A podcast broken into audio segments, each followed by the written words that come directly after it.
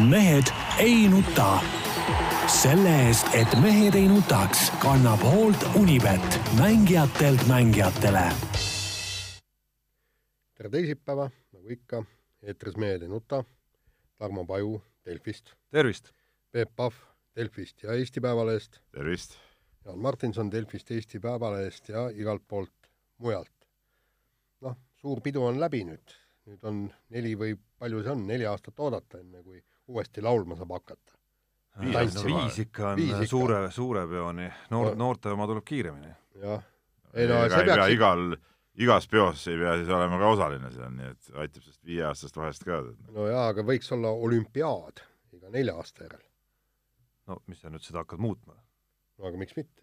no Tõnis Mägi pakkus, et üldse kahe poole aasta tagant olla, siis satuks talvele ka vaata vahepeal. no aga miks mitte? Tarmo, sina käisid tantsijaid vaatamas, käisin? käisin, telekast vaatasin ka lauljaid muidugi, aga, aga kohapeal käisin tantsijaid vaatamas ja nii nagu ma eelmises saateski avaldasin oma meelt, väga sümpaatne oli. see tantsu, tantsuetendus on väga lahe. Peep ei käinud kuigi, põhimõtteliselt kuigi seal võiks muidugi palju asju veel paremaks teha, alustades näiteks äh, äh, nii-öelda nagu ajaga kaasa minemisest ja ekraanidest seal diagonaalide peal, kust kogu see mustrimajandus jõuaks ka kohalolijateni. sest seda koha peal ei ole võimalik üldse vaadata. Jaa, aga e- eks meil ole ju üldse nagu, kui ma vaatasin, kuidas see transpordisüsteem ja piletisüsteem, siis andke andeks, see oli ikkagi täispornograafia ja tulla rääkima nüüd, et ei ole võimalik ära majandada sada tuhat inimest, et, et seal tekivad igasugused probleemid, no vabandage väga, eks. maailmas on ju noh, üritusi, kus, kus on kohal palju määratult rohkem inimesi ja meil on tegelikult, kui hakata võtma kas staadione ju, kus, kus on sada tuhat inimest ka kohal, nagu Rose Bowli staadion näiteks. Kõikidel nendel territooriumitel on ikkagi piir ees, samas äh, Rose Bowlil samamoodi. kuule, kas sa käisid kaheksakümnendate lõpus sellel nii-öelda äh, õhtustel ja öistel laulupidudel? ei olnud mingit probleemi, mitte mingit no, probleemi. siis, siis oligi, no seda ma räägingi, ma rääkisin ka täna koosolekul, et siis oli nagu õige värk, et siis oli ikka rahvas seal ja, Jah. ja õige asi, aga see praegune see laulupidu, ma üldse ei saa aru, see on nagu mingi, mingi massipsühhoos või, või, või või mingi asi, et, et kas tõesti kõik need, palju sul oli pealtvaatajaid, kuuskümmend viis tuhat no või? koos lauljatega ei, oli ära neid esine ära neid ei no esinejaid siia too. palju oli inimesi, kes läksid eh, etendust vaatama? no kuuskümmend viis tuhat, nii. no piletid see- oli kuuskümmend kaks. kuuskümmend kaks tuhat. Kas need kuuskümmend kaks tuhat inimest käivad igapäevaselt ka koorimuusika kontserditel või? aga miks nad peavad? ei, aga sellepärast, et aga mis sa sinna lähed siis? kui sa oled koorimuusika, kui sa oled koorimuusika austaja, mis ei ole siis, mis, seal on mingisugune eh, heavy metal vahepeal või ei ole No- see on koorimuusika. kui sa oled koorimuusika austaja, siis käi kogu aeg ja siis ma saan aru, et lähed ka laulupidu vaatama, et jah, see on nagu siis see kulminatsioon. sama asi on ju, ju sellega, et eh, saba selgas eh, mõned rallifännid nüüd tulevad, ma ei tea, Rally Estoniale või lähevad sinna Soome rallile, aga, aga miks Eesti tavalisel rallil on näiteks viis tuhat pealtvaatajat, aga Soome läheb mõnikord seal ma ei tea, kümme tuhat, eks ole, see on ebaloogiline ju noh. aga sündmused ongi erinevad. ei mis sündmused, kui sind see asi huvitab, vot siis sa vaatadki, sama asi on see jalka MM või olümpia. no mis sa vaatad seda jalka MM-is, kui sind ei huvita jalgpall ja sa igapäevaselt seda vaatad, et noh. no mis mõte seal on siis noh? see on massipsühhoos ja see ei ole nagu tõsiseltvõetav tegelikult. ei tea, mina sinu loogikat ei jaga absoluutselt. sina, see sinu loogika üldse, euronoore loogika, noh, see ongi nagu sa ei saa euronoore loogika, aga see on see loogika, mida, mida jagan mina, noh, mis seal, mis see sinu loogika parem on siis? minu loogika on alati parem. aa, no siis küll. Nonii, ei tea Ega- Ega..., naisele sa lilli, ma saan aru, kas viid iga päev või ei vii mitte kunagi. see on kindlad tähtpäevad, mida sa viid. ei no aga miks sa viid tähtpäevadel ainult, kui sa iga päev ei vii, noh, Ei sama no- loogika. ei ole see, kuule, sa võrdled praegu täiesti ei erinevaid no asju. täiesti see paralleel Ei, täiesti ei no ei no Tarmo. Kui ma oleksin mingi miks sa- lillehuviline miks, sa tähtpäeval hakkad viima, kui sa iga päev ei vii, noh? siis niimoodi on et kas sa ainult tähtpäevadel hoolid siis? ei, niimoodi on ette nähtud, noh. ei no mis mõttes ette nähtud, kus see kirjas on? Kord on kord. ma, ma, ma, ma ei vii ka tähtpäevadel ja ma ei vii ka iga päev ja No no, milleks ma peaksin, ei no see loogika pädeb Peebu võrdluses, aga. Peep, näed, valib mingid päevad ikkagi välja, kus ta viib. Ei no jaa, aga see on, see on Jaani teine- see on ma olen nõus. me räägime kui praegu vii sellest,, siis ei vii üldse. ei vaata, Tarmo, kui ma oleksin mingi lille kinkimine ei ole lillehuviline nagu teema teie peres, eks no ole. meie, ei vaata, meie pere teema on see, et mul on sedavõrd väärt naine, et tähendab, ma peaksin talle viima kõik maailma kasutab lilled, endale ise lilled, eks ole. ei, ma pea, ma peaksin talle viima kõik maailma lilled selleks, et, et tema väärtust esile tõsta. kuna seda ma ei ole võimeline, siis mingisugune käputäis roose oleks lihtsalt noh, nagu lati alt läbipugemine. ja see ongi see põhjus ja ma, ja ma olen kogu aeg naisele öelnud, talle kuuluvad kõik maailma lilled. ja, ja ma ei ole võimeline neid kõiki üles noppima, talle viima. ja täpselt nii, no aga nii ongi ju. noh.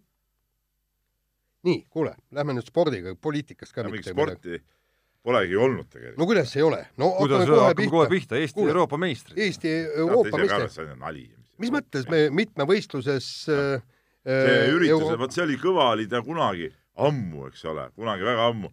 ütleme Eesti, ütleme, võtame nüüd kaasaegse spordi mõistes, oli veel kõva siis, kui siin tõesti eh, Tallinnas siin käisid Sakslased. tšehhidest, tšehhidest olid siis Sebeled ja Dvoržakid ja sakslased kõvad, meil olid siin Nool, Kaseorg, Nazarov, ütleme siuksed koos. aga mis see viimasel ajal, see on ju, see on ju, see on ju maha käinud üritus ja tegelikult on jumala õige, et seda enam seda EM-i ei peeta, et kui see no te vaat-, ma ei tea, kas te vaatasite seda otsepilti sealt Lutskis või kus see võistlus oli, eks ole noh, mitu inimest tribüünidel oli, noh? null, null ei, ei oli, oot-oot-oot jälle liialdad, viiskümmend no inimest oli. viiskümmend inimest suure staadionil ongi null tegelikult, noh. järelikult see ei huvita mitte, miks see võistlus sinna üldse anti, mis mõte seal on, noh? no sellepärast, et minu arust, kas või siia Tallinnas, siin oleks ainult võib-olla, ma ei tea, kolmsada inimest olnud kohal. no aga sellepärast eelmine aasta siin- oli Tallinnas. aga ka siin, kas eelmine, üle-eelmine aasta oli, veel eelmine aasta, ma praegu võin sassi ajada, aga ka siin ei ole ta enam kaugeltki see, mis ta oli vanasti. no minu arust tõestas see viimane võistlus ilmekalt, miks on vaja see asi ära lõpetada seal ju konkurentsi ka pole. et see ühtegi no nii, tippu- nii ain-, ainsad tipud olid Eestis ja see Urena, eks ja ole. kusjuures tagantjärele mõeldes äh, vaadates, mismoodi see välja nägi ja, ja mis sealt kõik välja tuli, mul tekkis küll küsimus, kas isegi Eestil nagu tegelikult oli mõtet hakata üldse selle pärast nagu punnitama seal, et kuidagi saada linnuke kirja, et me oleme viimased selle võistluse võitjad. ei no seda keda see, keda see kokkuvõttes keda see kokkuvõttes nagu äh, huvitab siis? üks mees, ma saan aru, isegi ohverdas äh, selle nädala U kakskümmend kolm oma nii-öelda nagu päris aasta tippsündmuse selle jaoks. No jaa, aga samas see U kakskümmend kolm ei ole ka ausalt U23 öeldes ei ole ka mingi ei no see on ikka tiitlivõistlus. no see on ka võrrelda, võrreldes tiitlivõistlus. sellega, mis Lutskis toimus. see oli ametlik EM, noh. no nüüd äkki on tähtis võistlus. ei, ma ei ütle, see minutiga on, U kakskümmend kolm ei ole ka mingisugune eriline võistlus ju tegelikult, no noh. no tore jah, erilisem siiski. ma ei tea, noh. ma ei ole ka selles kindel, et ma, ma saaksin ka aru U kakskümmend kolm, kui kõik tõesti kõik parimad U kakskümmend kolm kohale tulevad, aga tavaliselt ju noh, staarid juba no võistlevad seal on ikka oluliselt esindatum, eks ole. ma ei tea, noh no eks me seal on vaatame, kas need näiteks Norra noored tähed äh, tulevad sinna kohale no kas või meie enda Johannes Erm on kohal, eks. ei no ERM ongi, meie huvi ongi, nädalavahetus ongi Johannes Erm, eks ole eks. ole, sellel, me räägime temast kui maailma tipust siiski sellel alal, U kakskümmend kolm vanuseklassis. no oma vanuseklassis me räägime üldisest maailma tipust veel ei ole. aga noh, kui sa võtad nagu personaalselt ka nüüd Eesti võistlejaid, siis Kristjan Rosenberg, kes oma kaheksa tuhande punkti piiri alistas, siis Ah, ega see ega see võistlus kellelegi nagu midagi individuaalses plaanis vist mulle tundub ei andnudki. ei no Rosenberg andis ju. ei, ma ütlen Ah, ülejäänud aga meestele. ülejäänud meestel, ülejäänud meestel muidugi individuaalplaanis muidugi ei andnud, noh. et, et äh, Uibo ilmselgelt äh, ütleme, ei ole veel vormis, ütleme võrreldes Götzisega ka ei ole nagu mingit progressi kuskil tulnud, aga samas MM-ini on veel sisuliselt ju kolm kuud aega, eks ole, mis see täna on, üheksas kuupäev, see on äh, oktoobri esimene nädal on, on MM, et noh, seal on ju aega maailm, eks ole, ei peagi veel vormis olema. noh, ja, ja ülejäänud vennad noh, praegu see, mis õiglasega toimub, see on nagu, see on nagu huvitav küsimus, eks ole, et, et ei ole ta nagu jalgu alla saanud ja ja, ja, ja, ja see küsimus jääb nagu õhku, et et mis, mis seis tal on ikkagi või miks no., miks ta ei ole nagu saanud ennast käima? no jaa, aga teine asi on ju see, et, et võistlema peab. ja, ja, ja tegelikult on kümnevõistlejatel või mitmevõistlejatel on ju see tegelik probleem, et neid tõesti häid võistlusi, kus oleks publikud kõvasti kohal, on ju tegelikult vähe. mis meil on, Kötsis, Talants ja tiitlivõistlused, kõik. ja aga sul on ju kesksuvel oleks ka vaja tegelikult võistelda, praegu ma arvan, et see võistlus klappis täiesti sinna et äh, vaata, siit on võib-olla idee, et, et äkki teha midagi äh, Kötsise sarnast siit Tallinnast kuskil suve keskpaigas. jaa, aga noh, sellel No no, suve keskpaigal tegemisel on mõte ainult siis, kui eh, sul on MM nagu praegu, jaa, aga see on ainult see hooaeg nii, Jaan, et kui MM on ikkagi augustis, siis ei taha ükski kümnevõistleja sul keset suve enam võistelda. no jaa, aga no kolm kümnevõistlust peaks ikkagi No teevadki. noh. Talants on- Kötsis MM-i ja sügise Talantsi näiteks, noh ongi kõik. noh, ameeriklastel on, eks ole, oma, oma mingi värk veel jah, nii on. Aga selles mõttes on ta piinlik küll, et tegelikult, Rattingen ja nii edasi. aga teate, tegelikult on ju probleem pigem selles, et publikut ei huvita ka käesoleval ajal üldse miskit. ütleme niimoodi, kui oleks ka tulnud kõik need suured staarid kohale, sakslased ja hollandlased ja, ja, ja venelased ja, ja, ja kõik, ega ma tõesti, ega Eestis ei oleks ka. see on väga lihtne põhjus. sest et mitmevõistlus sureb koos meie põlvkonnaga ja ütleme, sina pässide põlvkond, minu sihuke, ütleme, normaalse inimeste põlvkond, noored, no Tarmo veel ka natuke, ütleme, sai sellest õigest kümnevõistluse, aga noored ei suuda seda võistlust üldse jälgida. Nad ei saa üldse aru, mis seal toimub, ma arvan. et oled sa näinud mingit noort, üldse kergejõustiku publiku hulgas väga palju noori? ei ole, ei ole eriti, eks ole. et selles suhtes äh, ega see seis on ju vilets ja, ja spordi jälgimise üldse seis on, on suhteliselt kehva tegelikult. ja, ja seda enam niisugune mitmevõistlus, mis on, mis eeldab ikkagi nagu spordi mõistmist ja arusaamist. No ütleme see, et, et Nõukogude Liidu USA äh, kümnevõistlusmatš oli ikkagi no ülivõimas no,. oli ülivõimas kunagi, muidugi. toimus, noh. Bruce Jenner pani oma saltoga äh, kaugushüpet ja, ja aga neid ajad ei tule kunagi enam tagasi no,. no ilmselt ei tule. no minu jaoks, noh, ma, ma olen, eks ole, Jaanist üks kümmekond aastat noorem onju, noh, minu jaoks üks kõvemaid elamusi, ütleme, niisuguses juba äh, teismeeas või, või noorukeas oli ikkagi ka see kaheksakümne kuuenda aasta Liit-Saksa TV maavõistlus no,, no see oli, noh, see oli ülim, no see oli kaks maailmarekordit tehti, eks ole. noh, aga kas praegu siis inimesi üldse kedagi huvitaks, ma ei usu seda. ma arvan üldse, et spordiaeg hakkab üldse läbi saama. samas, samas kusjuures äh, ma olen vaadanud või sattunud sel aastal vaatama omajagu äh, TV Play pealt neid teematliga etappe ja, ja, ja vähemalt seal olen ma näinud täistribüüne ikkagi. päris vaata, nagu vaata. kergejõustiku, kergejõustiku huvi nagu kadumisest ei saa rääkida, siin aga... vahepeal minu arust oli pilt palju trööstitud. ei, aga vaata seal, kus sa näed täistribüüne, on need, kus on traditsioonidega kohad, eks ole. Äh, on see mingi Oslo, äh, on see seal äh, Šveitsis, eks ole, Lausanne'is või kus see viimati oli nüüd, ütleme, seal on jah, seal on see tava, aga seal on ka ikkagi see publik on nagu see eakas publik natuke, seal ei ole ma ei ole ma ei lähiplaane nagu niimoodi vaatama sattunud. ma ütleks, et nii palju noori siin, aga, aga no Eestis siin noh, üldse pole seda publikut. Eestis ei ole Eestis üldse... on kergejõustiku vaatamise, kohapeal vaatamise kultuur kadunud ikkagi koos võistlustega. koos võistlustega. pärast seda, kui Mati Lillialliku, ütleme, suurepärane kuldliiga projekt nagu ära lõppes, meil ju kergejõustikuvõistlusi polegi ju. kuule, aga meil see oli paar, see, mis seal Tartus on, eks ole, Gustav Sule, Sule, eks ole, talvel on see Gutmani memoriaal, mitmevõistlus siin Tallinnas, noh, see on ka hea näide mitmevõistluse kohta, omal ajal tegi Erki Nool see Reval Cup oli, noh, no see oli ju talve üks tippsündmusi, Tallinna spordihall ja rahvas pungil täis, onju nüüd on see mitmevõistlus siin, noh, mis seal on no,, on? Eks... mingid samad taadid, vaatad, on vanaks jäänud, kes seal vaatavad ja, ja ongi kõik ja rahvast ju pole praktiliselt. see vahe ka, et Erki Nool oli maailma tipp ikkagi ja talle tulid külla ka maailma tipud no,. oligi jaa, absoluutne tippvõistlus. no aga siin on ju ka käinud ikkagi päris väga tippmehed. no muidugi no hetkel meil Erki Noolt ei ole no,. kuulge, aga, aga teine asi, te, te räägite sellest meie kuldliigast, aga te mäletad, meil oli ju Tallinna need eh, nii-öelda õhtumiitingud olid ka ja seal oli ikka tõesti särav seltskond oli ko eh, kohale tulda. mikspärast neid enam ei korraldata? kas tõesti raha pärast. ja see on kallis ju. see on kallis no,. kergejõustiklased võtavad ju, ju raha selle eest ju. ei no ma saan aru. see on loogiline, noh. Aga raha ei ole selleks. ja, ja, ja ma, ma arvan. ma, ma, ma, ma segan vahele, et et kui see tooks, kui see nagu ütleme, rahaliselt ei oleks nii keeruline, kindlasti oleks neid korraldajaid, noh. aga praegult äh, aga kas enne ei olnud siis keeruline või? no ka oli, aga noh, siis varem ei ole kuidagi lihtsam see raha saada. raha pärast on asjad ära läinud, alati oli ju see Aivar Karotam alati pärast kurtis, tema oli üks Tallinna võistluse peakorraldaja, kuidas jälle rahaga on nagu asjad keerulised jaa, aga no, aga kui ma ütlen, kui publiku huvi ka on langustrendis, siis, siis seda raha on veel vähem no,. väga, väga aga, loogiline. aga, aga si-, siin tulekski, no ütleme niimoodi, et kergejõustiku elu sees hoidmiseks oleks meil vaja ikkagi aastas üks õhtumiiting, kuhu tõesti on häid võistlejaid, eestlased on kohal, sul on vähemalt tugevad duellid ja, ja ma arvan, et siis tuleb ka publikut aga, aga lükata nüüd kõik see lilliallikute ja karutammede kaela, see pole ka õige. kas Kergejõustikuliit ei saaks, näiteks korvpallivõistlusi korraldab ju korvpalliliit. miks Eesti Kergejõustikuliit ei saaks korraldada kergejõustikuvõistlusi?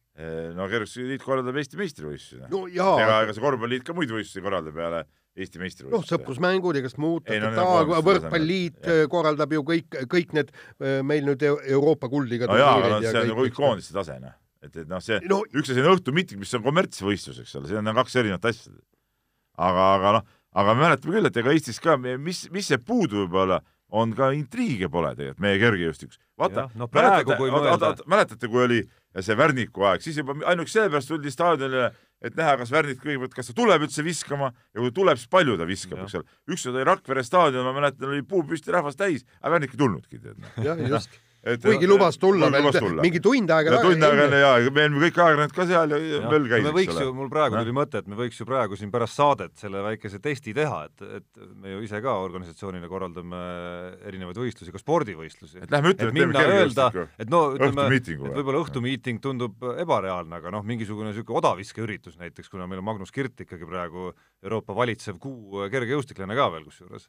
Et noh, noh, absoluutne tipp ikkagi, siis mingisugune niisugune odaviskegala, mis on väga atraktiivne ala ka veel, kus meil on tõesti maailma tipp praegu, noh, kas, kas selline asi üldse nagu kui hakatakse eelarveid kokku panema, kas see üldse nagu kuskilt otsast nagu paistab üldse, et see nagu tasub era, eraviisiliselt nagu korraldada? Kusjuures- värskendage mu mälu, vaata kui see võiks ide ideena nagu lennata kui meil oli Gerd Kanter oli tipus, tehti vaata neid Ergo mänge siin.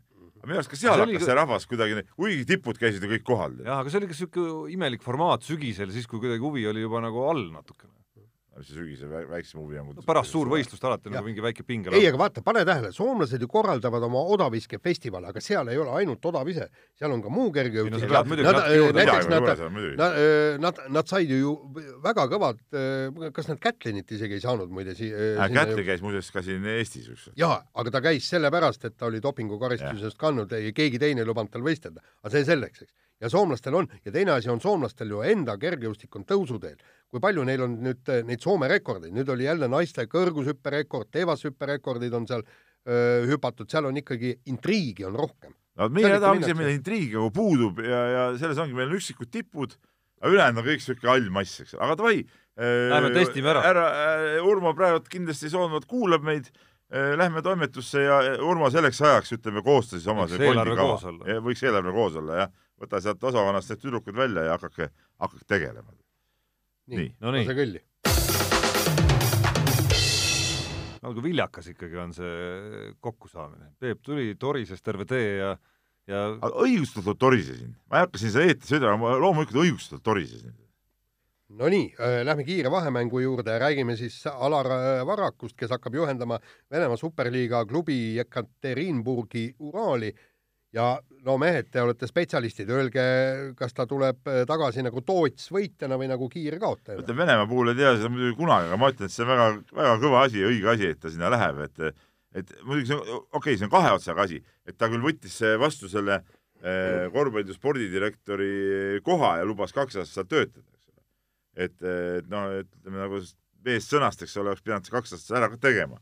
et eh, see oleks olnud igal juhul nagu, nagu õige, aga teisalt ma saan jälle temast aru, et, et kui ikkagi sihuke võimalus on välja minna ja, ja meie ülejäänud ju korvpallitreenerid kõik ju jänesid ju tegelikult, noh. Ütleme peale Varraku, Üllar Kerde ei ole ühtegi meest, kes, kes äh, välja oleks läinud, noh, kes oleks, ma ei tea, kasvõi nui neljaks, no kasvõi kuskil abitreeneriks. ütleme Priit Vene ja Jaak Salumets no okei okay,, need olid juba, nojah, ütleme Vene oli ka hiljuti, eks ole, aga Salumets oli väga ammu. aga ütleme, meil on neid noori treenereid ju siin küll, me räägime, et oh, meil on äge treenerite põlvkond, noh, aga minge siis kuhugi, minge kuskil Venemaal abitreeneriks näiteks või, või mis Venemaal, no minge ükspuha kuhu Euroopasse. aga ei lähe ju noh, palju Läti treenereid väljas on, eks ole. Leedu treener üks. tuleb siia kohe. üks tuleb kohe siia, tead. aga see ongi sellepärast, et meie vennad ei ole kuskil käinud ja see maine ongi seepärast nii madal, tead. aga, aga tahetakse, ma ei tea, mida tahetakse võib-olla kohe peatreeneri kohta, seda ei saa, et palun abitreeneriteks minge. et, et siis, siis saame rääkida, selles suhtes Varraku see minek on väga hea ja see Venemaa nii-öelda esiliiga, ega see on ju noh, meie mõistes on see ikka päris kõva liiga tegelikult, ega seal mingid, mingid naljasatsid ju ei ole. ja aga, aga ütleme, et, et, et, et seal hakkavad mängima ju noh, hoopis muud asjad ja kuidas, kuidas suudab äh, Varrak neid asju ära äh, manageerida, et äh, esiteks klubi on keset Siberit, eks, noh, seal on juba kõik need elutingimused kõik ja noh, kogu see kultuur on.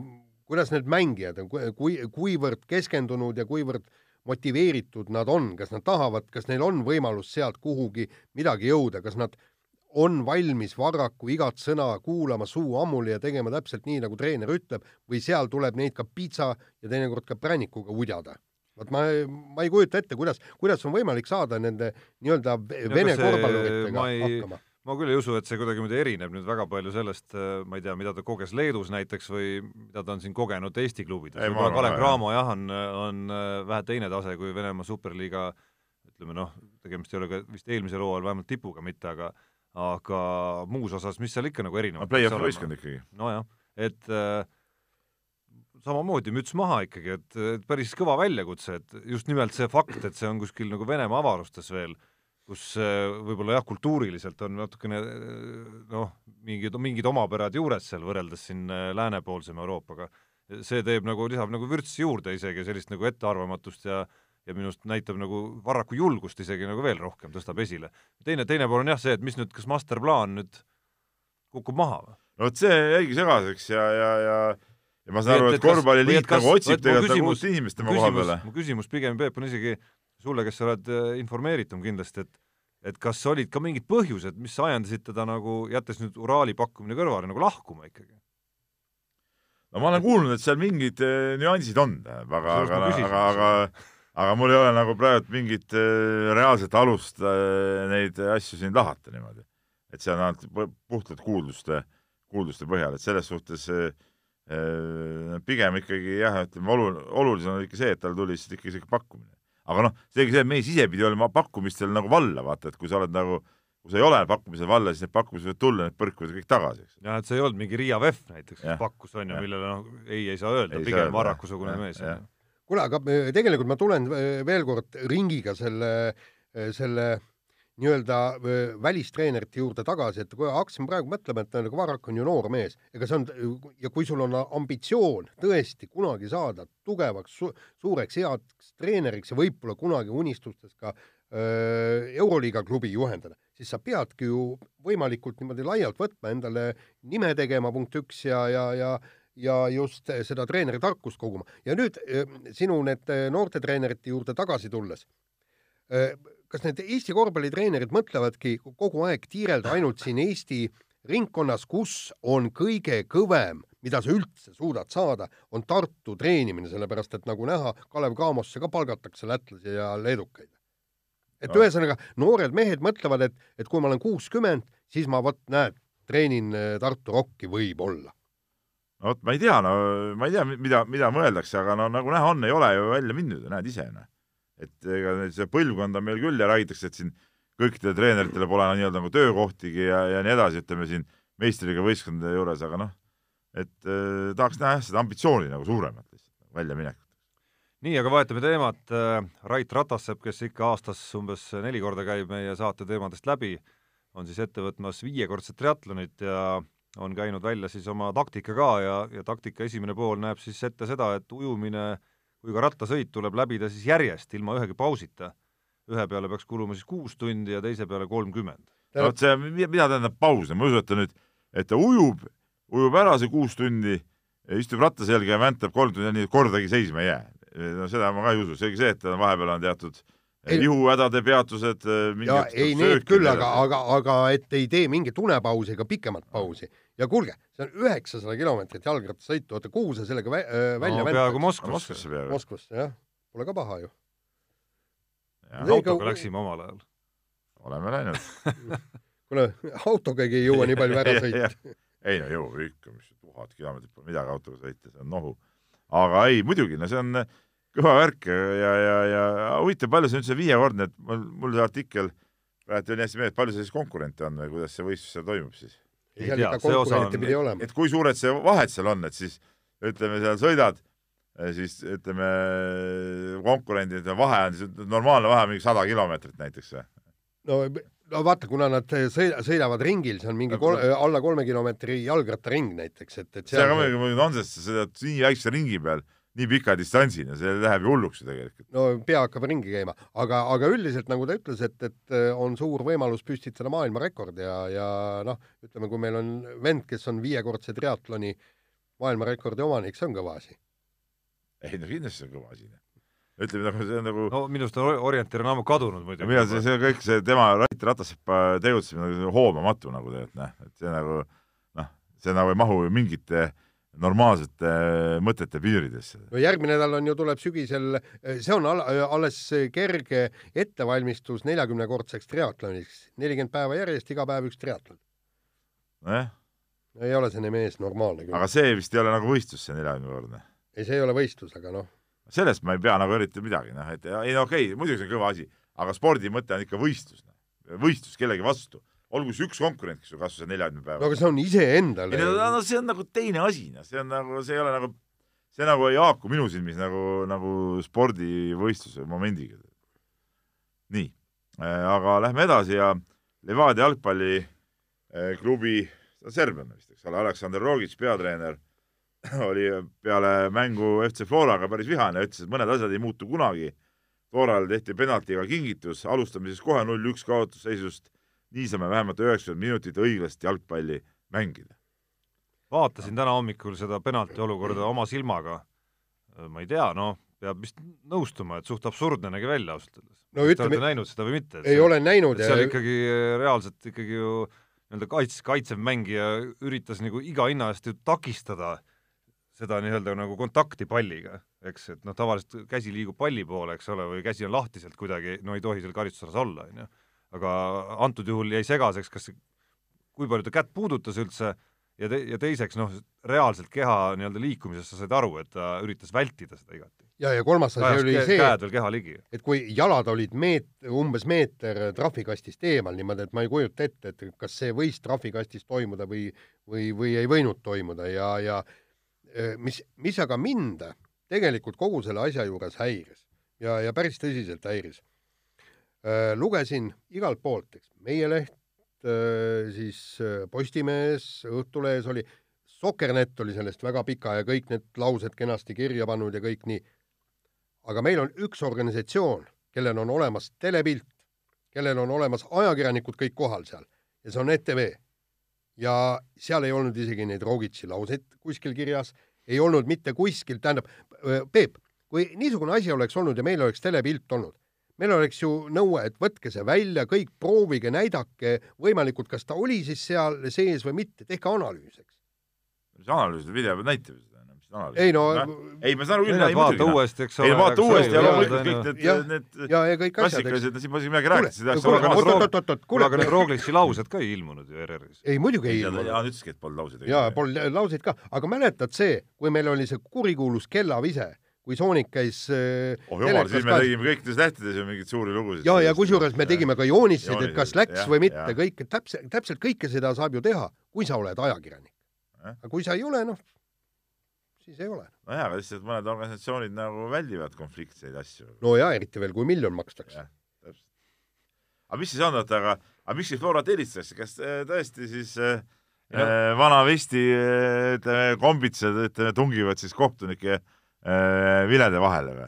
no ütleme, minu hinnang sellele olukorrale puudutab hinnangut olukorrale eelkõige, et ma ei tea, kas sellest ühest olukorrast maksab nüüd äh, äh, maksab nüüd kohe nagu otsida ei no Rogitsi lausest tuli küll nii välja, nagu see oleks süsteem. Roglic, Roglic muidugi ei ole esimene, kes seda, kes seda just selle pilgu all näeb, on ju.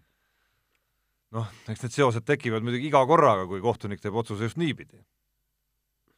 Kui teistpidi, kui see teistpidi juhtub, siis eh, ei ole vaata mingit vandenõud võimalik lihtsalt kuskilt leiutada. no seda kindlasti mitte. vahetame teemat, Jaan. vajame teemat ja loe see teema ise ette, sellepärast et et see on uus teema ja asjast, millest ma midagi ei tea. Kaunases allkirjast tuleb Tallinna. küll see ei ole nüüd uus uudis küll hooaja, noh, üsna värskelt ikkagi välja kuulutatud, et et eh, küll hooajaeelseks mänguks ja, ja kas isegi äkki vist esimeseks lausa või? Jah, just nimelt, täpselt. aga fakt on see, et kaheksas september, kumb see oli? kaheksas, et fakt on see, et see on Žalgiris ja see on see Žalgiris, mida Eesti publik on ikkagi päris kõvasti armastama hakanud. jaa, ei no Žalgiris ongi ju meie kodu, ütleme päris meie oma koduvõistkond Euroliigas, et see on, see on nagu selge, kuigi nüüd uuel hooajal läheb äh, natuke raskeks mul endal nagu see tekib siin sisemine konflikt, okei okay,, Žalgiris on Žalgiris, aga üks mu lemmikmängijad siirdus nüüd just äsja CSKA-sse, et ma pean hakkama ikkagi vana arm CSKA tuleb ka välja äh, rookida, eks oota, millist sa mõtled neist? no Strelnjaks. okei okay.. et, et, et ma olen alati Läti korvpallurite suur pooldaja ka olnud ja üldse, üldse Läti mängijate suur invasioon äh, Vene liigasse, eks ole, et, et Timma ja, ja ja Bertantsi mingi NBA nali sai läbi, eks ta tuli tagasi. aga, aga okei okay,, Žalgiris muidugi. Žalgiris tulek iseenesest on ju, on ju kõva, loomulikult tahaks näha seda võistkonda võib-olla nagu täies koosseisus ja ja täies laksus, eks ole, aga samas see on teada, et see on nagu MM-i, MM juba käib, siis on kohe MM hakkab kolmkümmend üks august. kolmkümmend üks august, jah, vot, et see, see kuupäev ka tõmmake kar-, kalendrites endale punaseks. jah, MM on väga kõva asi. et, et aga mis ah, seda, et, et noh, Žalgirises puuduvad, ütleme, koondislased. et, et see on, see on võib-olla see miinus ja, ja noh, ega see Žalgiris ei ole ka kindlasti täies löögihoos, ega me ei tea ka, mis seisus see Kalev üldse sel ajal täpselt on, aga aga noh, äge on see ikkagi ja, ja mina ise tahaks kõige rohkem näha muidugi, kui saaks piilduda, kui näiteks Žalgiris tuleks varem siia ja näiteks teeksin trenni või saaks kuskilt sealt, sealt eh, piilduda, kuidas Jassikevitšus seda asja seal ajab, tead, et, et et see oleks nagu kõva asi. nii, aga kiire vahemängu lõpetuseks äh, räägime natukene maailmaspordist ja dopingu valdkonnast, ehk siis Berliini Vabaülikooli teadlased on äh, avaldanud soovituse vadale lisada spinatis leiduv dopingulaadne aine ektüsteroon keelatud ainete nimekirja, sest see aitab lihast kasvatada. no kuulge, see, see, Ei, see on äh, ikka, asjad väga on ikka täiesti hulluks tähendab, ei, läinud. väga õige. mina leian, et tuleks keelatud, ei, Kodus keelatud tegevuste hulka tuleks äh, kanda ka äh, treenimine. ja see kasvatab see ka kasvatab lihast. lihast. Ja, ja, ja nii ongi ja, ja no aga magamine ja, ja, tegelikult, sest äh, tegelikult see aga magades progress, kasvab inimene ise. see ei, no see progress, sa teed trenni ära, siis sa saad nii-öelda taastud, eks ole, see progress tegelikult toimub ju puhkeseisundis tegelikult, see tegelik pro- et vadaeksperdid peaksid siis ütleme jälgima seda kõike, et sportlane ei treeniks, ei magaks, ei sööks, ei teeks seda, teist ja kolmandat. Ma ei teagi, kas vett võib ju, ka seksimine peab olema keelatud, sest et see ka see on teatud füüsiline koormus ja treeningu efekti annab eh, kõhulihaste pingutust ja kõike, nii et eh, ei, Essul ka käia ei tohi, see pingutab ja, kõhu ja, ja lihaseid treenid. kõik peab olema keelatud, kõike tuleb eh, kontrollida ja, ja nii ongi. ja siis vaatame, mis sportlased siis on, siuksed jogurtid voolavad ringi aga tegelikult, kui nii võtta, siis me, meil on kaks koolkonda, üks on siis äh, Mihkel Marner, keda esindab ja keda on ka tõesti ma- maailmas palju, kes ütlevad, et dopinguained peaksid olema tõesti need, mis on tervisele ohtlikud. et, et need on tõesti dopinguainete nimekirja kõik ja ülejäänud kõik see tilulilu, noh, sest tõesti, seal on ju ei no piimatoodetes on valk, just täpselt, vitamiinid, värgid-särid, kui me hakkame võtma, see, see asi läheb täiesti absurdini välja. noh, nagu oli see, liha ei tohi süüa, ei muidugi, samamoodi, ei kasvatab ka lihast. ei kõik, no kõik, kõik need asjad. Nagu see oli see meldoonium, mis, mis viimati, et see on lihtsalt, tähendab lihtsalt organismi tugevdav ravim, eks, mida me tavainimesed kõik võtavad, ei ole mingit probleemi kõik, see on keelatud. no see, see, see asi läheb absurdini välja. spinatit ei tohi süüa nüüd. Ja ta võikski olgem ausad spinatit,, olgem, ega see spinat ei ole mingi suurem ei, siin ma jään küll eriarvamusele. no ütleme spinati, pirukas, feta ei no spinati feta juhtub piruks jah, aga nüüd ütleme, et, et kui nüüd praegu öelda, et tuleks niisugune asi, spinatit enam üldse süüa ei tohi, no ütleme noh, ma ei tea, maailmas keelatakse ära spinati söömine, täitsa ükspuha. no ei, selles mõttes küll, ainukene, mis tõesti feta ja ei no maailm Feta kokku ei ja- kuku sellest, see jah. on selge jah. veiselihast oleks, kukuks küll. sealiha on parem. ja lambaliha on veel parem. lambaliha, jumal, see kasuka maitseb. no sa ei oska teha sa lihtsalt ei. ole kuule, saanud head ma lihtsalt, olen saanud, isegi selles kuulsas, isegi selles kuulsas Hyundai äh, boksis, kus sa tead söögid teadupärast tead, oli see äh, lambaliha oli täielik kasukas. Kuule, sa ei ole Kuule, korralikku lambakareed saanud, ma äh, väidan endiselt. kuule, saad aru, seal on Itaalia kokk ja ega need tõesti võib-olla lambalihast väga ei jaga, aga kui seal oleks mingi kas Armeenia või Gruusia kokk, ai kurat, teine asi, mis on, mis on jäle, on see kitsejuust. see, see on ka ju, see on samamoodi villa maitsega siuke. mis sa teed siukse? ei mitte midagi see. õudne, jumal küll. kuule, okei okay,, lase kõlli ja laseme kõlli. Unibetis saab tasuta vaadata aastas enam kui viiekümne tuhande mängu otseülekannet. seda isegi mobiilis ja tahvelarvutis. Unibet, mängijatelt mängijatele Peebu kirjakontor on nüüd avatud. ja, ja kirju on palju ja alustame Kalle kirjaga.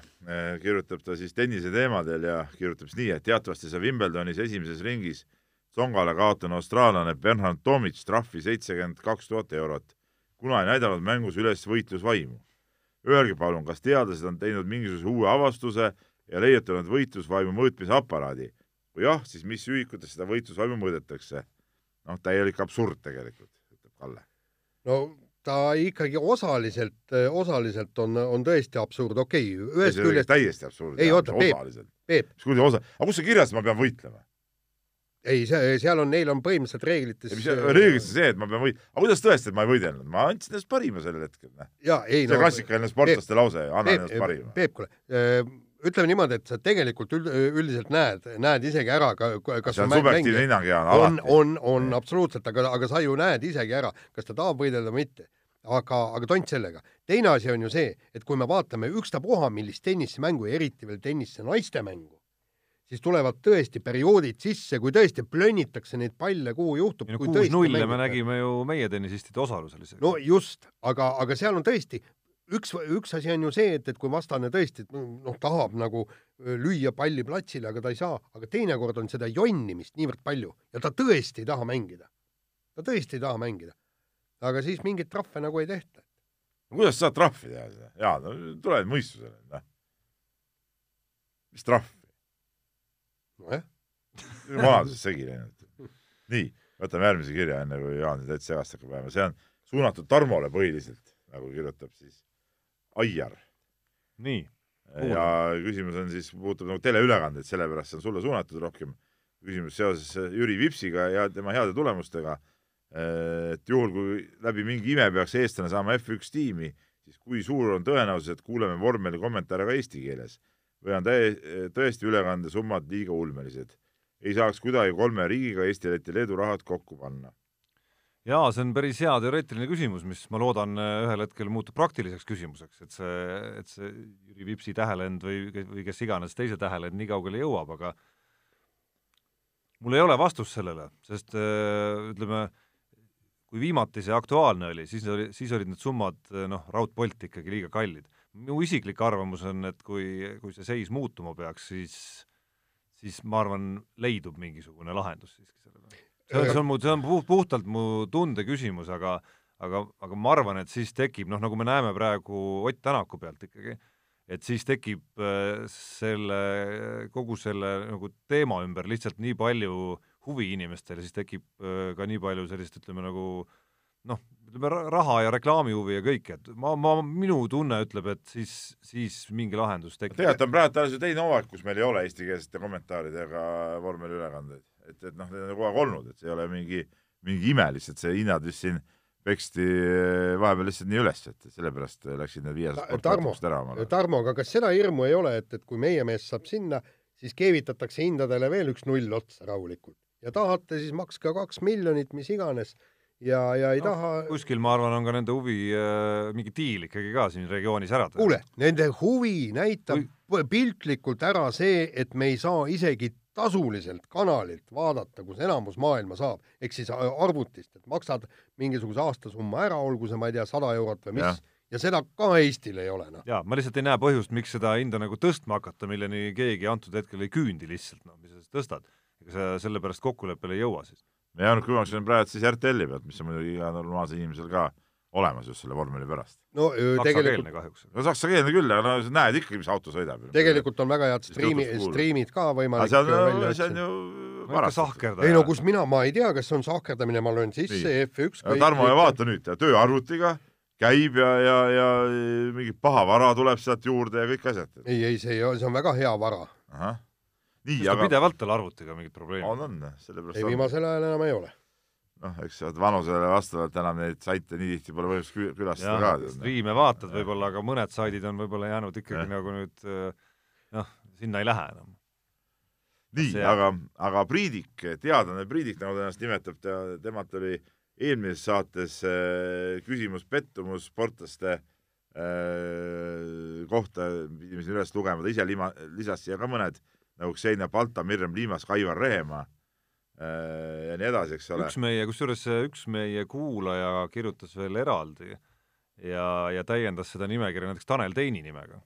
jaa, aga huvitav, vot mul praegu tuleb ka see kiri meelde, aga millegipärast läks see mul kuidagi kirjade kokkupanekul radari alt läbi praegu. jah, aga ühesõnaga oli jah, see väärib täitsa, ma arvan, siin saates mainimist ka, et et, et võiks täitsa selles arutelus olla. võiks täitsa arutelus olla, jah. nii, aga nüüd on Priidikut uus küsimus ja, ja ega see pole ka paha küsimus üldse et äh, milline on teie arvates olnud suurim pauk luuavarrest Eesti spordis viimase, viimase kahekümne aasta jooksul? ei pea olema tingimata tiitlivõistluse medal, küsimus on pigem ootuste ületamises.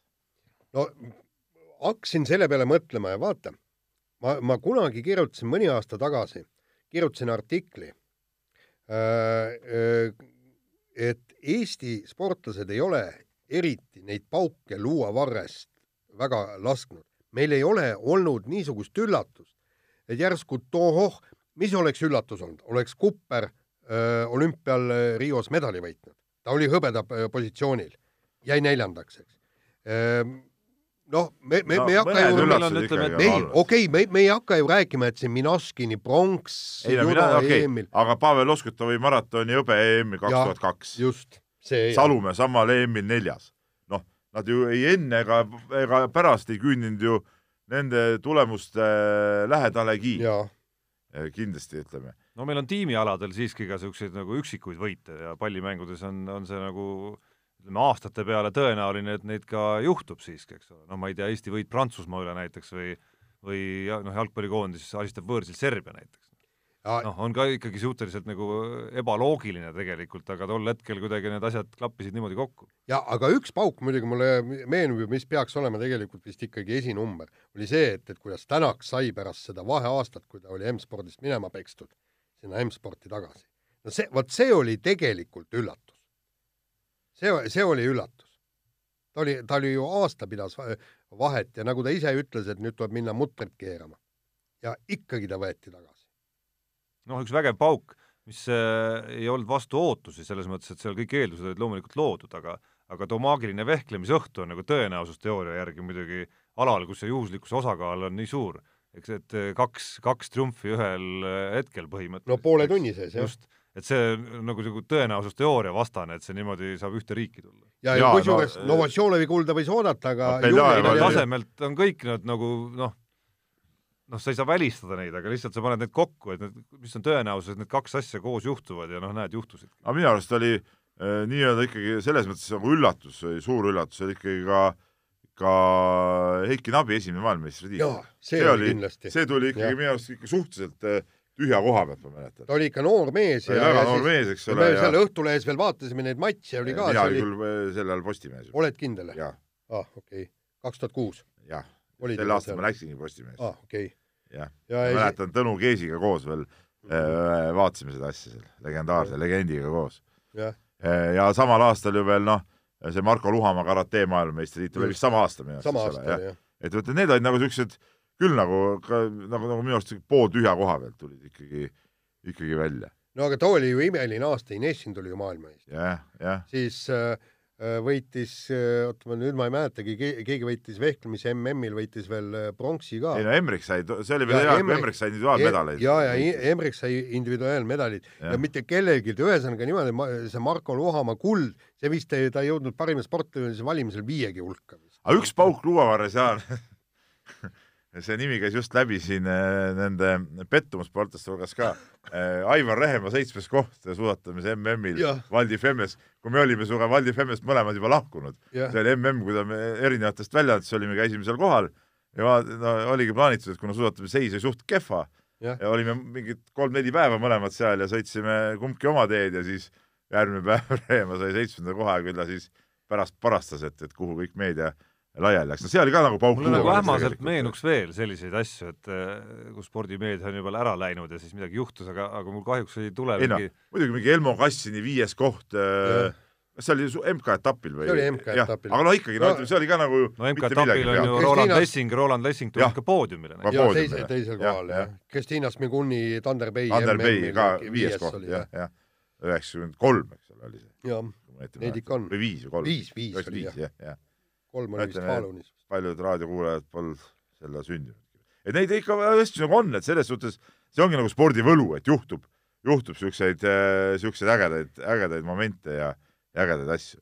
nii, no aga ütleme lä-, noh, Äh, üks asi veel, ma mäletan, see ikkagi noh, lõi ju tegelikult sumisema, ütleme see hetk, kui Erki Nool lõpuks nagu kerkis, no ma ei saa see Kötsise võistlus Just, just see 8500 see oli vist kaheksasada viissada seitsekümmend viis, eks ole, see korralik. hetk tegelikult Jaa. oli päris korralik laks, sest noh, ta ta eelnevad aastad tegelikult noh, oli pigem ju niisugune suht ühe koha peal seal jah, ja, ja siis äkitselt tegi selle korraliku hüppe. see oli hüpe jah, see oli üheksakümmend viis vist. ja, ja kusjuures ka tema hüpe kaheksa-kümme, mis oli Eesti rekord kaugushüppes, mille ta kümnevõistluse eest tegi, see oli ka noh, ütleme niimoodi. no lihtsalt äh, ajalugu hiljem näitas, et see ei olnud pauk luuavarrest, vaid see noh, sinna tuli kõik, väga vinge järg ka. ei, kõik, kõik on õige, aga vaata tollel hetkel ja üldse see, et, et keegi kümnevõistluse sees hüppab kaheksa-kümme, see ei noh, aga olgem ausad, Värniku MM-hõbe kaks tuhat kolm Pariisis, ega seda ka ei oodatud, et sealt MM-hõbe või medal tuleb. noh, see oli küll, seal oli, ta oli ju maadelnud muda sees ja madalseisus, eks ole, siis tuli see puuste sinna juurde ja, ja, ja ta oli küll visanud nagu korraliku tulemuse ära, aga noh, et sealt nüüd medali peale läheb, noh, seda, seda nüüd küll ei osanud nagu oodata tegelikult. et noh, neid asju ikka tavaliselt Eesti sportlased ju viskavad tulemuse ära, aga siis tiitlivõistlustel kukuvad, kukuvad kokku. nii, kuule, aga kell on nüüd palju ja ma arvan, et lähme kirjade rubriigist jaa, lähme edasi. Lähme meie toetaja Unibeti rubriigi juurde ja ja kuidas siis eelmise nädala saldod olid?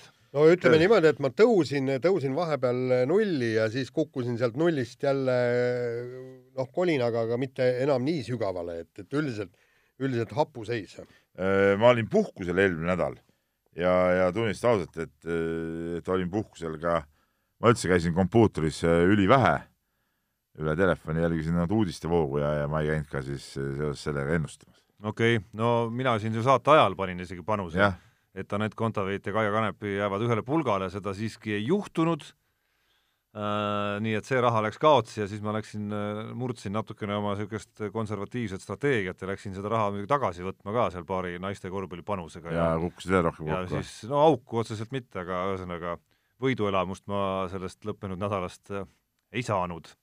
Uue nädala küsimust äh, Mehed ei nuta eripanust ei ole veel Unibetis üleval, selle kallal koefitsientide töötajad näevad vaeva, aga see puudutab loomulikult Rally Estoniat. ja küsimus on, kas Marko Märtin tuleb poodiumile? hea koht võib-olla, hea koht võib-olla arutada seda, mis see koefitsient võiks olla. jah, ei noh, ega pool tähendab ähm, poodiumisse peaks vähemalt kahte MM-sarja sõitjat edestama, eks ole. viis, viis, ei kolme peaks edestama kolme peaks jah. olema. no ma ei tea, no see oleks muidugi häbi otsa käest ei oleks muidugi, aga noh, siin muidugi teatud võimalused muidugi on jah, et, et ei, see on huvitav värk, noh. kõik on see küsimus, kuidas selle autoga kohaneb, muidugi paus on olnud meeletu. mõtleme, kuidas Grönholm öö, Rootsi rallile tuli ja noh, ütleme ei saanud tegelikult öö, autot jooksma pärast pikka pausi. Aga no, No. vaata, see on jah, noh. pigem tõenäosus, et ei tule, on ikkagi nagu suurem ikkagi. No siin on mängivad jällegi see, et äh, okei okay,, sellel rallil raske on näha nagu sellist, ilmselt seal nagu veri näost välja äh, paugutamist, noh ilmselt ei tule seal võib-olla mõnel üksikul piloodil ainult, et no, no katkestamise nii tõenäosus- mõnigi mees peab seal ennast tõestama, võtame kas või see sama Hyundai meeste omavaheline äh, värk, eks ole, et Mikkelsen ja, ja siis Priin, kes tuleb nagu uue mehena sinna sõitma. noh, ega see Mikkelsen nüüd kaotada Priinile ei, ei taha ega ei tohi, just, mitte mingil juhul ka siin, rääkimata Soome rallist veel, eks ole, ka siin ei tohi kaotada. et noh, seal nagu tekib juba esim-, esimene niisugune tõsisem äh, vastuolu. et, et äh, küll siin neid sõidumehi nagu on, kes tahavad põrutada. aga ei, ei, ma arvan, et see oleks vinge, kui ta tuleks poodiumile, noh, see oleks, see oleks vingem, kui Ott Tänak võitis, Ott Tänak nagunii võidab. no see tundub kuidagi Jah, niigi väga et loogiline. see oleks nagu ja kui ei võida, siis saab olla põhjus ainult milleski muus. kogu austuse juures Ott Tänaku vastu ja tema populaarsuse vastu, minu enda jaoks on ikkagi Märtini kaasasõitmine, just kaasasõitmine sellise autoga, on nagu selle Rally Estonia kõige kõvem asi üldse, noh et see kõik muu on nagu, ja, nagu tühi asi sellega. ja, ja number kaks on siis Hyundai meeste võitlus. Ja ja number alles kaks- siis tuleb siis Ott Tänak. ja Ott Tänak ja seal on noh, tegelikult ma enda jaoks muidugi näen seal R5 konkurentsis ka päris huvitav, mind väga huvitab. Rainer Ausi jaoks muidugi ütleme, suure ralli rong on noh, ära sõitnud, eks ole, ja ta ise ilmselt ka mõistab seda, aga mind väga huvitab, kui kiire ta reaalselt R5-ga on, et noh, N-rühma autoga, just nende teede peal, mis talle hästi sobivad, N-rühma autoga ta on siin ju R5-i isegi edestanud, eks ole, et, et et ja see R5 konkurents on väga, väga vinge, et, et, et minu jaoks on ka see üks suuri küsimusi. ja teine on vägev, vägev, nii. Aga nüüd on meil olukord nüüd on meil äh, olukord muidugi selline, et kümme minutit on ümmarguselt jäänud saateaega ja ports teemasid ootab veel aga me saame siin neid võtta natuke nagu ka ütleme linnulennult, linnulennult. diagonaalis. no äh, Kaia Kanepi langes Wimbledonis välja teises, Anett Kontaveit kolmandas ringis. noh, ütleme niimoodi, et, et mõlemad tegid oma enam-vähem ära, noh, seal edetabeli kohal nad umbes ongi kõik. no Kontaveit ikka ei teinud oma ära No, selle järgi. noh, ei no muidugi ei Jaan, ära hakka ajama. Eh,. olgem ausad, ma annan eh, viis punkti Õhtulehe noorreporterile eh,, nojah, kes kirjutas kommentaari, et enne kui pole suure turniiri võite või finaali kohti või jah, ei ole nagu tipptennisest midagi ja, ja, ja Jarmo Jagomägi, jah, et ei ole, ei ole nagu tipptennisest mõtet rääkida ja ma siin raputan Jaanile nii-öelda tuhka pähe, kes räägib mingisugusest eh, maailma esikümne tennisest, no Jaan, eile ka vaidlesime sinuga toimetuses, no on asi päris kaugel sellest ikkagi no on, On ju, ei, jutt praegu on tõesti kaugel, ta on kohati tõesti mänginud häid turniire, nagu ma eelmine kord ka ütlesin, kui Antsuga äh, rääkisime, kui ta on äh, tõesti suurel turniiril, kus on kohal kogu maailma paremik, eks jõuab poolfinaali, mis oli Mi- Miami's või kus kohas tal see? Oli, Indian mäleta. kus kohas, et, et, et see on ka kõva saavutus, aga, aga ütleme nüüd niimoodi, et see, kus tal kukkus vastased eest ära. jah, no. No kukkus, ja ei, kõik on õige, aga, aga siin ma vaatan ikkagi seda mängu, no kogu asi on ikkagi noh, ikka psüühi-, psüühikas kinni ja ja selles mängus ja no tähendab seal noh, eksida, eksida nendes kohtades, kus sa pead sajaprotsendiliselt selle punkti ära lööma, no ma, ma räägin just põhiliselt Kontaveidist. noh, kui sa tahad, kui sa tahad jõuda kuhugi kaugele, siis neid sääraseid vigu tuleb vältida ja, ja see olekski viinud neljandasse ringi, sealt edasi võib-olla mitte, aga aga nii ta on, paraku. nii, no nii, saamegi teemat vahetada, Eesti jalgpallikoondis sai äh, endale uue peatreeneri või siis peab ütlema korrektselt äh, uue peatreeneri KT, kelleks määrati siis Karel Voolaid no. see on mingi totter väljend, see KT või kohusetäitja. Peatreener on peatreener, no no mis just jah, kui sa panid tema, see on see tsükli lõpuni ju. no sellega nad tahavad markeerida seda, et see on nii lühiajaline valik, tundub. no jaa, aga no, aga miks teha lüüa? vahel saavad KT-d äh, ka päris ei, minu peatreeneriks, arust see KT on kõige idiootsem asi üldse maailmas. sildtreener kõlas veel no hullem. see kõlas veel hullemini jah. aga Karel Voolaid, ma arvan, et see on ka mõnes mõttes nagu pauk luuavarrest. No nii ja naa, mingi loogika on ju siin tegelikult olemas. no ei ole, minu meelest loogikat ei ole üldse, aga no räägi oma no loogika selles mõttes. loogika, kui on äh, mees, kes on nagu siin nagu treenerite süsteemis ja selles jalgpalliliidu süsteemis ja noortekoondiste juures äh, ikkagi päris jupp aega juba, juba töötanud, aga meestega mingeid saavutusi pole. siis äh, noh, teisalt miks mitte, aga noh, noortega on ta, noortekoondisi on ta juhendanud, no see on Aga üks see on-, Tarmo, see on ei üks no aga see on, ju- see on, sorry, kui ma vaatan näiteks äh, noh, värske näitena näiteks, vaatan äh, naiste korvpalli äh, Euroopa meistrivõistluste mingeid erinevaid treenereid, kes seal satsidel olid, siis sellist arengukäiku treeneritel ma olen täheldanud päris mitmel juhul, kus sa mingi klubi tasemelt ei kasva nagu, vaid kasvad hoopis nagu noortekoondisi juhendades. oota, Tarmo, vaata, siin on kaks asja. punkt üks, ta ei ole mängijana olnud mitte keegi. see minu arust See ei ole üldse oot, oot, oot, oot, oot, stopp. ma tahan sulle öelda, et kui sa oled ise hea ja tugev mängija ja pika karjääri teinud, siis on võimalik asuda meestekoondist juhendama ka ilma vaheetappideta. siis on sul vähemalt mingi kogemus on. punkt kaks, Martin Reim, ta ju no ta oli, oot, oot, oot, oota, nii vahele ütlen, ta oli ikka Eesti tasemel mängija, ei no kuule, tasemel. kuule jah, siis, siis minegi. ei, ta on kohalikus meistriliiga tasemel olnud eh, treener ka, aga tal ei ole nagu mingeid nii, eh, oot, oot, oot, oot, ma, oot, ma, oota, ma, ma räägin nüüd edasi. Ta on juhendanud täpselt, kas oli kolm või neli kuud Nõmme Kaljut, ei vedanud välja. jah, nii, järgmine asi, ta hakkas juhendama U-koondisi. U kakskümmend üks koondis, palju seal oli, kas oli kaheksateist mängu, üks võit. tähendab inimene, kes ei oska mänge võita. ta ei tea, kuidas võita kohtumisi. Martin Reim, tema ju viis Flora Eesti tšempioniks jah. ja temal on see loogiline, et, et võetakse nii, aga, aga praegu ma ei näe mitte ühtegi, okei okay,, selge see, et, et ma võin eksida. Ja, ja Voolaid võib olla tõesti hea treener, aga ütleme nii, et, et see vundament ei ole väga särav.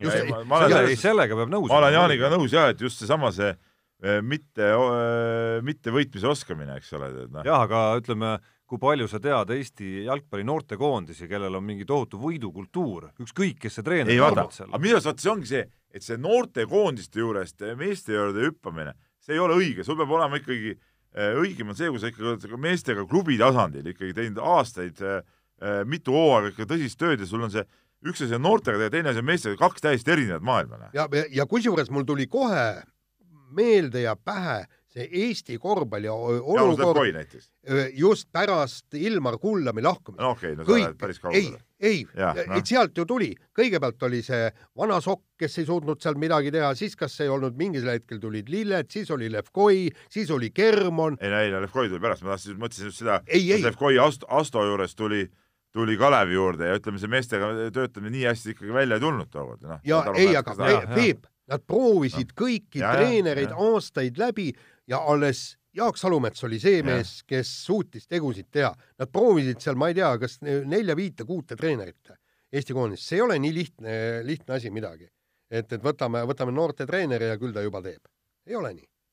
aga, aga, aga vaatame, jah. aga ütleme, lisaks tahaks kindlasti ära markeerida selle teema juures ka Aivar Pohlaku värske intervjuu meie enda lehes, kus ta vastas siis äh, Märt Roosna küsimustele ja, ja, ja leidis siis ütleme, selle madalseisu põhjuse, miks, miks mingist aastakäikudest ei ole tulnud piisavalt äh, maailma või Euroopa tipptasemel jalgpallureid ja see põhjus siis Aivar Pohlaku versiooni järgi on see, et äh, oli mingi periood üheksa, kus siis üheksakümnendate esimesel poolel sündinud jalgpallurite arendamine jäi äh, tippklubide nõrkuse taha ja üks nagu taustapõhjus siis, mida, kus ta siis nagu endale vaatas otsa, on see, et põhienergia läks Lilleküla staadioni ehitamisele. Noh, ma tahaksin väga öelda, huvitav äh, teooria, selles mõttes, et see on, kõlab nagu isegi välja vabandamisena, ma ei saa, ma ei saa seda Pohlaku sellist teooriat, see Lilleküla staadioni juttu ta rääkis kuskil ühe korra varem ka juba, eks ole. ja nüüd jälle, ma ei saa seda tõsiselt võtta. no tähendab, hakka, hakkame nüüd siis, need on kaks täiesti erinevat asja, üks asi on see, et ega siis Pohlak jah, keskendus võib-olla äh, staadionile, no aga sul on ju siis see mängijate arendamisega Pohlak ei tegelenud, seega No no, tema treenerid, ega treenerid staadionit või mis sa mõtled, et need Jah. need jalkatreenerid, kes käisid õhtuti seal, ma ei tea, staadionil mingit tsementi kärutamas, ei käinud ju noh, staadionit ehitamas. te, teine ei küsimus no on see, mingid vahendid võib-olla läksid sinna, eks ole, see Ei., see on ilmne, et mingid vahendid Ei no sinna vahendid läks, eks ole noh., mille eest sa muidu oleks saanud võib-olla panna püsti neid süsteeme, millest ta nüüd nagu räägib, anda seal raha juurde klubidele, noorte töö jaoks ja ma ei tea, mida veel, no kas või selle jaoks, et rohkem trenni saaks teha Ta- nädalas. Tarmo, Tarmo, aga siiski, siiski nüüd äh, enne kui sa saad öelda, tundub mulle ikkagi selline nagu kuidagi otsitud see asi. kuulge, kas meie jalgpallisüsteem on tõesti ainult Flora, kes ehitas staadioni, Levadia ja TVMK, kes siis omadega pankrotti läks? meil on ju jalgpalliklubisid üle Eesti, noortesüsteeme kunagi oli. Lantana ka, jah, ei, aga meil on ju oli seal, niisugune meeskond. See, no see, mitte sel ajal, kui üheksakümnendate esimesel poolel sündinud jalgpallurid oleks pidanud arendama. jah, ütleme niimoodi, et, et ju noortetööd tehakse üle Eesti, meil on ju niivõrd lai süsteem, miks me vaatame ainult äh, seda kolme suurt äh, klubi, punkt üks, ja punkt kaks on see jällegi ja elu lõpuni saab äh, vastu öelda sellega, et mis süsteem meil oli siis, kui tõusid lõvid ja kust kasvas välja Mart Poom, pluss veel terve hulk väga häid no jalgpallureid. ei, väga häid, see on ka siuke jälle Ei noh, häid. kuradi umbruu Okei. okay. ütleme, et, et ega päris äh, jalgpalluri mõistes peale Poomi ei tõusnud mitte kedagi. ei, ei, no ütleme niimoodi, et ikkagi Eesti koondise äh, ei no tasemel no koondis on ainus- no jaa, mis on no Eesti koondis, Eesti praegu- koondis on praegu ka mehed on olemas, no ainus koondis koondis, mis oli edukas, eks ole, oli see edukas, mis jõudis äh, play-off'i valiksarjas. Et no meie mõistes ikkagi edukas, ma arvan, et me oleksime iga valiktsükliga rahul tulevikus, kui me nii kaugele jõuaksime. Peep, kuule, et, et ütleme, kui sa võtad selle koondise ja kuidas need kasvasid, siis süsteem vaevalt parem oli kui, kui see, mis nüüd pärast on olnud. ei no kindlasti. kuule, ütleme niimoodi, et võtame siis, et ainukene, kes edukas oli, oli Mart Poom. Ubakivi suutis öö, Mart Poomi üles kasvatada. Flora ei ole kogu oma eksistentsi juures, suutnud kedagi sellist üles kasvatada. Just. väga õige, nii ongi. Aga sellepärast, et ehitati staadionit. nii, aga kiiresti siia selle ploki lõppu, oi-oi, palju kell on? räägime vesikust, võtame selle viimase no,. ei, ikkagi ma tahaks ära Jaa. markeerida ikkagi, et ma mõtlen nii vor- palju, ma mõtlen nii palju vahele, et nii, et me peame Ragnar Klavani puhul nagu Flora süsteemi siiski ära mainima. no Viljandis kasvas üles. aga see ongi ta Flora on Flora süsteem no jah. jah, no. aga lihtsalt äh, lähme nüüd, aitab siis jalgpallis küll. tehnikasport on Eestis ikkagi nagu, nagu kõvadele jalgadele tõusmas ja nüüd on meil äh, Paul Aron, noor äh, võidusõitja, kardiga vist sõidab põhiliselt vist. ei, ei nüüd sõidab F, F4-ja. nüüd sõidab F4 juba jah. sõlmis siis lepingu Mercedese F1 noortetiimiga, et, et äh, nende noorte sõitjate põud, nii nagu Jaan siin on äh, rääkinud, on päris päris suur ja, ja, ja praegu noortel meestel on võimalusi nende tiimide juurde liituda ja, ja väga vägev, et, et järjekordne Eesti mees on nagu asja sees nagu. ja, ja aga halb asi on selles, et, et see, et, et sa kuulud Mercedese tiimi, see annab sul võib-olla mingeid väikseid materiaalseid võimalusi ja sinu karjääri juhitakse paremini. aga, aga see ju ei tähenda mitte midagi muud, kui sa nüüdsest sellest hetkest peale pead ainult võitma, võitma, võitma. olema poodiumil ja kõik, et äh, noh, Red Bulli näitel, nii kui sa natukenegi kuskilt öö, komistad, nagu see Dan Dictum, kes saadeti siis sinna Jaapanisse sõitma nüüd sel aastal, kolm sõitu, ainult üks punkt, kohe löödi minema. Ja suhtumine on ta, on tal ka kehva, nii et ja ei no see, see oli tegelikult päris äge oli lugeda neid lugusid pärast äh, Jüri Vipsi äh, võitu, ehk siis äh, noh, põhimõtteliselt ta võitis selle ära, siis see nende boss, mis ta oli, Helmut Marko. jah, tuli ta juurde ja põhimõtteliselt peale väikese patsutuse järgmine sõnum oli kohe see, et äh, okei okay,, aga noh, nüüd järgmine kord tuleb loomulikult jälle võita, et no võid selle kohe ära unustada, selle, selle asja, mis sa praegu tegid. ehk siis neile pannaksegi nagu teadlikult ikkagi nagu tohutu surve peale, kui sa seda ei talu, siis oled läinud. nii, aga räägime nüüd võitjatest viimases osas ja kiirelt Rivo Vesik viis Venemaa ranna, rannavolle paari äh, maailmameistriks. Ja, ja ülikõva sõna, sellepärast et noh, kui palju meil eestlastest treenerid on kes on äh, üles kasvatanud või tähendab kellegi maailmameistriks viinud, eriti veel väljamaalasi. ja, ja noh, siin tuleb tõdeda, et väga tõsine kandidaat Eesti parima treeneri konkursil aasta lõpus. kelleks ta, kelleks ta ilmselt ei saa muidugi, sest kindlasti leidub palju hääletajaid, kes kuidagi võtavad seda mingi et mis mõttes mingi Vene baar ja nii edasi, kuigi minu arust peaks see olema täiesti no, raudpolt, väga tõsine kandidaat. ta on kõvem kandidaat äh, aastatreeneri kohale, kui näiteks äh, Gretu oli äh, oli äh, Eesti aasta treener, kui ta viis Eesti võrkpallikoondise äh, noh, nii-öelda, noh, ta ei viinud tegelikult kuhugi, aga ütleme, noh, mängisid hästi.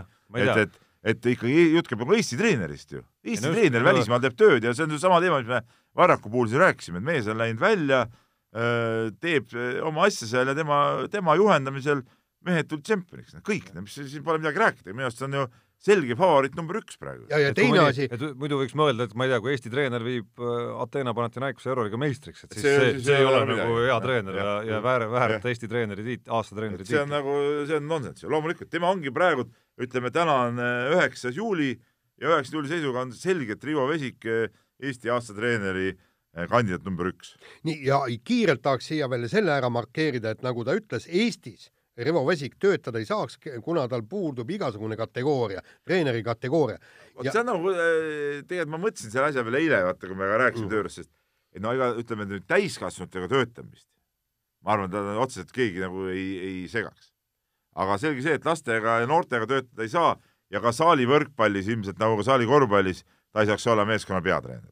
Et see, see nagu, see on küll iseenesest see süsteem, et nõut-, nõutakse neid äh, treeneri tasemeid ja kategooriaid, see on nagu õige tegelikult. Äh, Peep, ta ma, ma ja keegi arvan, ei keela ju teha ära, see, see ei ole nii keeruline. ei, ei, kõik on õige, aga, aga ma arvan, et, et siin tuleks nüüd, nüüd, kui sa oled oma õpilased viinud maailmameistriks no selle eest väiksem... sa saad juba oma taseme nagunii kätte. ja, ja väiksem ja. möönduse, lähed, teed oma eksamid ära ja sulle antakse rahulikult ja, ja, ja tema peaks saama praegu kas seitsmenda või isegi kaheksanda. ei, ei no ära nüüd nii, no jaa, ära nüüd hulluks ka mine, no mis no. kaheksateist, sa ütlesid mingi viis kaheksanda kategooria treener. no jaa, aga palju neist on äh, maailmameistrid kedagi viinud? rahu nüüd et äh, aga selge see, et, et, et, et normaalse treeneri kategooria muidugi peaks selle eest juba saama, see on nagu loogiline. nii, sellega on meie saade äh, lõppenud, nautige Eesti vihmast suve, see võimaldab kus see vihm sul on? ei no nii harva sajab. mis asja, täna öösel kallas on kohe valesti hommikul. täna hommikul ka juba tilkus. no nii. ikka kokkuvõttes suht vähe. nii, ja saate kodus püsida, raamatuid lugeda. ka mõnus asi. minge vihmaga õue. mehed ei nuta saate tõi sinuni Unibet, mängijatelt mängijatele